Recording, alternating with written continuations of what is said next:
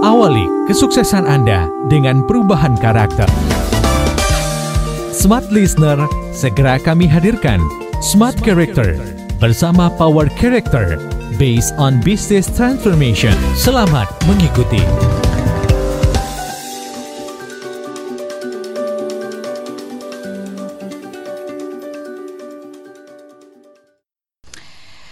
Smart Listener dan juga Anda yang bergabung bersama dengan kami, apakah Anda seorang loser or winner? Topik kita di malam hari ini adalah the winner mentality, winning gitu ya. Winning. Nah, perbedaan antara winner dengan loser di era digital seperti sekarang ini kan beda tipis ya. Eh, iya, aduh. Nah, ini bisa nggak di-share dulu nih, winner sama loser yang sesungguhnya, Mas Harmoni? Silakan, Mas Harmoni. Baik, baik, baik, baik. Jadi begini, winners atau losers ya. Kalau losers itu bahasa Indonesianya pecundang ya, mental yang kalah sebelum berperang gitu ya. Winners atau loser itu nggak langsung lahir begitu aja. Mereka itu lahir dari Sebuah proses ya. sebuah proses itu itu adalah produk dari mindset. Hmm, hmm, hmm, hmm. Mental pemenang maupun mental pecundang itu lahir dari sebuah mindset. Kalau mindset kita salah, value-value hidup kita salah, kita punya respon yang nggak terlatih, otomatis kita memiliki mental pecundang. Hmm, hmm. Ya, dan orang-orang yang pemenang punya mental pemenang, dia adalah orang-orang yang mau belajar ternyata, ya. Dan ternyata saya saya temukan di di sebuah penelitian dari S. Wang, ya, sebetulnya kegigihan, ketabahan, ketekunan dari seseorang itu sebetulnya letaknya di mana sih di bagian otak gitu loh. Hmm. Ternyata itu ada letaknya di dorsomedial prefrontal cortex. Nah, ini fungsinya punya lima, yaitu analisa, belajar, memilih, memutuskan dan evaluasi. Ya, saya ulangi, ya otak bagian prefrontal cortex kita punya lima fungsi: analisa, belajar, memilih, memutuskan dan evaluasi. Ini yang membuat bahwa manusia ini paling unggul dibandingkan makhluk-makhluk di dunia ini. Karena manusia punya otak korteks namanya Hmm, hmm. ya. Nah, tapi ternyata kok bisa ada orang-orang yang punya mental pecundang padahal semua orang Tuhan ciptakan punya frontal cortex betul ya? Betul. Kok bisa orang ada orang-orang yang punya lima jari yang sama, maksudnya 10 jari yang sama di tangan gitu ya, kaki juga normal, tapi kenapa ada yang mentalnya kok meminta-minta gitu ya? Kok malah mentalnya kayaknya kalah sebelum berperang terus gitu, ditantang malah mundur. Kenapa bisa begitu? Ternyata setelah dibandingkan di melalui research dan ek- eksperimen ditemukan bahwa orang-orang yang memiliki mental pemenang itu prefrontal cortexnya lebih sering diaktifasi. Jadi gini prosesnya ya, saya jelaskan proses otak kita. Jadi otak kita itu kalau misalkan kita lagi tertekan, lagi stres ya, kita lagi di hijack oleh perasaan kita gitu, kita lagi capek, itu tuh perasaan kita yang menguasai atau amigdala yang menguasai gitu. Itu yang menyebabkan kita sulit berpikir rasional karena waktu kita lagi stres, capek, kita lagi burn out, kita lagi emosional, kita lagi marah, itu otak-otak korteks kita shutdown. Nah, jadi kesimpulannya begini, orang-orang yang mempunyai mental pemenang adalah orang-orang yang belajar untuk menguasai dirinya untuk tidak dikuasai oleh perasaan-perasaan negatif, tidak dikuasai oleh kekhawatiran, tidak dikuasai oleh ketakutan, tidak dikuasai oleh takut disakiti, tidak dikuasai oleh takut gagal, ya, tidak dikuasai oleh kebencian, tidak dikuasai oleh kemarahan, tapi dia belajar, belajar, belajar terus untuk apa sih yang bisa dilakukan gitu loh. Kalau misalkan saya la- kalau misalkan saya lagi panik begini, kalau saya lagi salah begini, emang saya panik ini menyelesaikan masalah. Iya. Kalau saya marah, saya gebrak meja itu menyelesaikan masalah. Hmm, hmm. Dia belajar untuk mengaktifasikan pikirannya terus dibandingin perasaannya, Oke. ya. Jadi orang-orang yang punya mental pemenang harus belajar, ya. Iya, ini perhatikan, respon benar itu bukan karena situasi, nunggu situasi fasilitas bener dulu, nunggu lingkungan bener dulu gitu ya, nunggu ada AC baru kerjanya bagus, nunggu ada komputer baru bisa kerja, enggak, ya, nunggu ada orang lain gitu ya, bukan karena orang lain ya, baru kita berespon benar, tapi karena itu semua dari diri kita sendiri, Oke. bukan karena situasi, bukan karena orang Baik. lain, tapi respon kita dikontrol oleh diri kita sendiri. Oke, ya, ya. Saya mau ke Mas Konan dulu. Secara teori, Mas Harmoni jelaskan mengenai ada apa ini di dalam otak, Otak kita, yang kita, ada di depan iya. ini Iya, ya, di betul. prefrontal cortex ini. Iya. Kenapa sih harus jadi winner?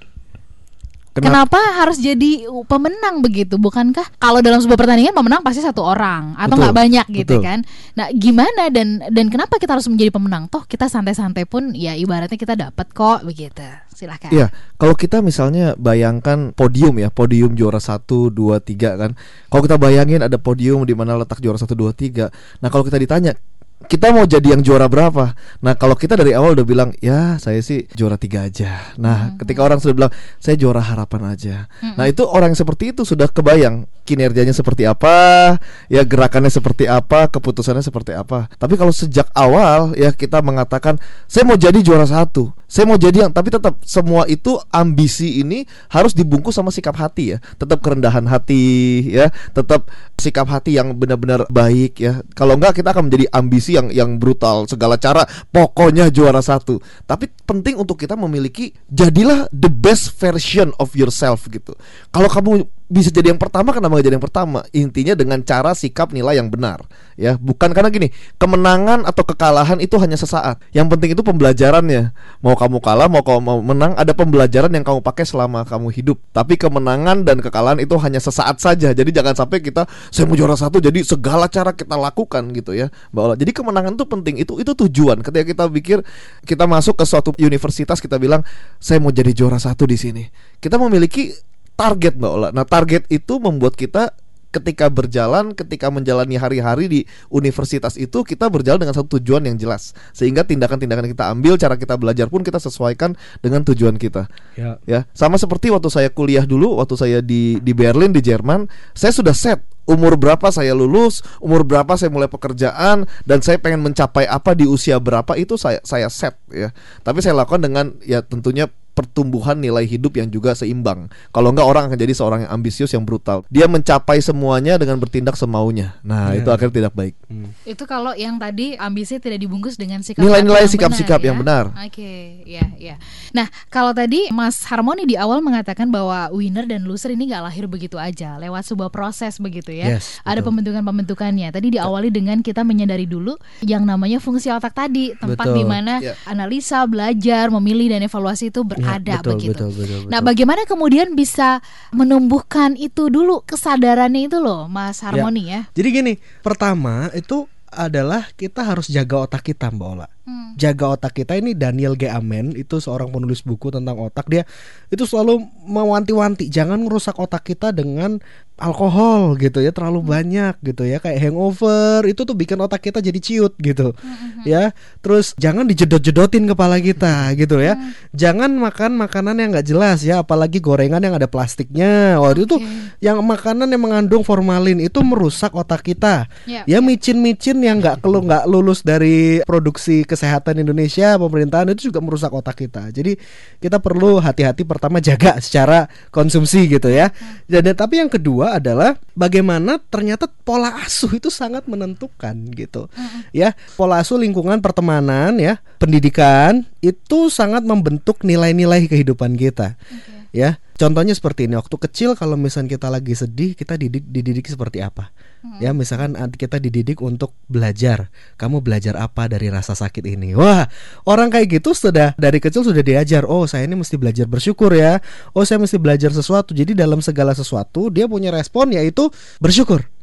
Tapi bayangkan ada anak-anak orang lain yang nggak pernah diajarkan bersyukur, maka dia akan bersungut-sungut terus bersungut-sungut terus. Ya jadi salah satu kuncinya adalah mindset kita. Nah dan mindset ini terbentuk dari tentu aja nih tadi saya bahas tentang faktor eksternal ya, kayak lingkungan, pola asuh, otak kita, bawaan lahir gitu kan ya. Tapi ada juga faktor internal yaitu kita mesti belajar, kita mesti menginstall gitu loh. Kita mesti punya spirit untuk yang tekun gitu loh. Iya. Kalau misalkan jatuh, bangkit lagi. Mm-mm. Jatuh itu belajar. Iya. Tapi orang-orang punya mental pemenang, dia prinsip sederhananya gini deh, kalau jatuh bangkit. Jatuh Orang- ya bangun lagi gitu. Jatuh, bangkit bangun. lagi. Jatuh bangkit lagi ya. Dan ujungnya ketekunan tersebut ya. Ketekunan tersebut itu kita akan menjadi ahli. Kita akan menjadi fokus dan ketekunan itu akan menghasilkan tahan uji. Mm-mm. Itu kalau kita punya sikap yang benar menyikapi semua tantangan-tantangan Yes. tadi ya. Yes, yes, Nah, yes. yang sering kali muncul dalam kenyataannya seperti apa sikapnya nih Mas Konan? Kan ada juga yang mengatakan ya udahlah, nggak usah ngoyo lah, ya udahlah terimalah kegagalan inilah gitu. Itu sedang bersembunyi di balik eh, kegagalan atau kayak gimana? Faktanya kan seperti itu banyak yang terjadi kan? Iya, jadi sikap mental positif saja atau gini, mindset positif saja itu itu tidak cukup ya. Gini, contoh orang bilang orang yang suka bersyukur dia bilang, "Ya udahlah, keadaan seperti ini Ya syukurin lah ya. Tuhan baik lah." Walaupun rohani loh, Iya, Tuhan baik. Tapi yang penting itu setelah Tuhan baik kita harus ngapain nih? Ya jadi jangan sampai berhenti nih. Ya ya udahlah yang Ya. namanya kan ada orang mentalnya itu saking positifnya jadinya berlindung di balik alasan. Contoh, eh kamu gemuk, ayo apa namanya? Ini olahraga biar kurus. Terus dia bilang, "Ayo berenang biar kurus." Ya mungkin aku emang ditakdirkan kurus lah. Buktinya ikan paus berenang terus tetap gemuk. Udahlah syukuri mungkin emang ditakdirkan. Makan sayur jangan makan daging biar biar gemuk. Sapi aja makan rumput tetap aja gemuk. Ya, Mungkin jadi orang berlindung ya. Jadi bukan sekedar pikiran positif Mbak Ola ya. Ya, Bukan sekedar pikiran positif Tapi ya udah setelah kita menerima realita Nah kita harus improve. Ya. Ya kita harus hadapi dengan pikiran yang jernih dan take action. Karena mentalitas itu ujung-ujungnya pembuktian Ya mentalitas itu ujung-ujungnya pembuktian. Kalau mindset itu masih di pikiran nih. Nah mindset ini akan dibuktikan lewat pengalaman demi pengalaman dan lahirlah mentalitas. Betul. Nah mentalitas itu harus diuji, harus take action mau nggak mau. Mentalitas pemenang itu bukan berarti dia tidak pernah mengalami kekalahan. Ya. Oke. Tapi bagaimana dia menyikapi kekalahan demi kekalahan sehingga dia punya mentalitas pemenang. Oke, Mas Konan, boleh nggak ditambahkan ya supaya memudahkan kita untuk melihat ke dalam diri ini. Ciri seorang pemenang, ciri seorang loser itu kalau di misalkan di- dengan mempergunakan kalimat atau kata yang mudah gitu ya. Apa sih yang paling menonjol dari seorang winner itu? Tidak mudah menyerah, mencoba lagi atau gimana? Silakan. Ya itu semua berawal dari sudut pandang ya. Bagaimana bagaimana seorang winner atau seorang loser, bagaimana seorang history maker pembuat sejarah atau seorang mediocre, seorang yang rata-rata saja ya melihat sesuatu memandang sesuatu. Ini yang disebut orang-orang optimis atau orang-orang pesimis. Kalau Paul J. Stoltz pakar adversity quotient ya kecerdasan mentalitas, kecerdasan tahan uji, Paul J. Stoltz bilang ada tiga tipe orang. Ada tipe quitter yang kerjanya quit quit quit. Kebanyakan ngeluh daripada kerja. Oke. ya. Atau tipe tengah tipe average ini tipe camper ya. Cukup puas. Ya udahlah yang penting gak buruk. Ya saya juga nggak ngejar bagus-bagus amat. Yang penting begini aja. Tipe yang mudah puas atau yang tipe climber. Orang yang terus improve improve improve. Dia percaya bahwa ada the best version of dirinya. Dari diri sendiri. Ada pasti bisa diimprove, pasti masih ada ruang untuk berkembang, ya. Nah, ini yang membedakan dari orang-orang dengan tipe quitter, camper sama climber adalah mentalitasnya.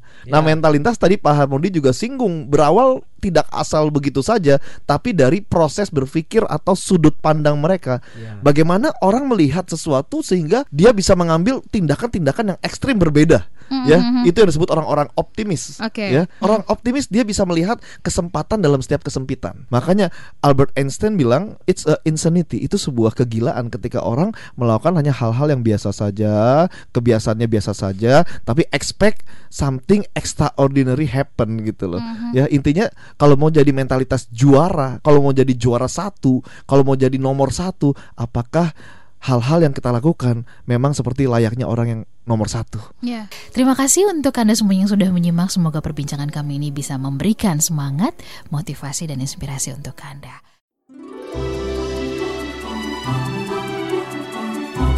Baru saja Anda menyimak Smart Character bersama Power Character based on Basis Transformation. Awali kesuksesan Anda dengan perubahan karakter. Terima kasih dan sampai jumpa.